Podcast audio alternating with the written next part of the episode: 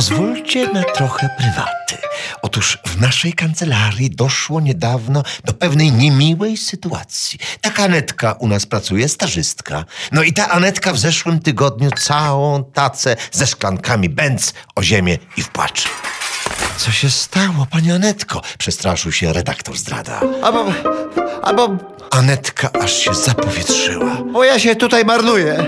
Kariery nie robię. A ta Anetka to u nas dopiero od miesiąca kawę parzy. W innych miejscach Buczy, niewdzięczne dziewczynisko. nosek wystarczy prezesowi przypudrować i zaraz się idzie do zarządu państwowej firmy paliwowej.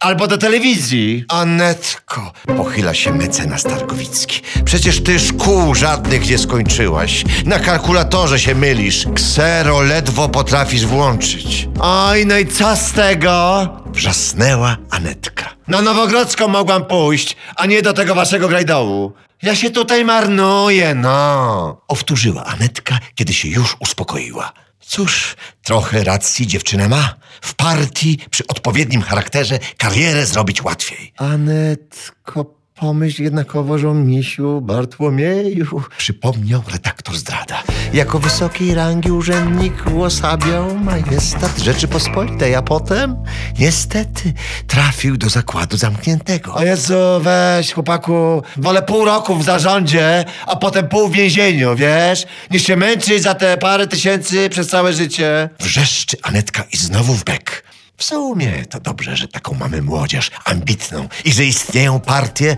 w których młodzież ma szansę na rozwój. Jaki? Taki. Od pucybuta do milionera.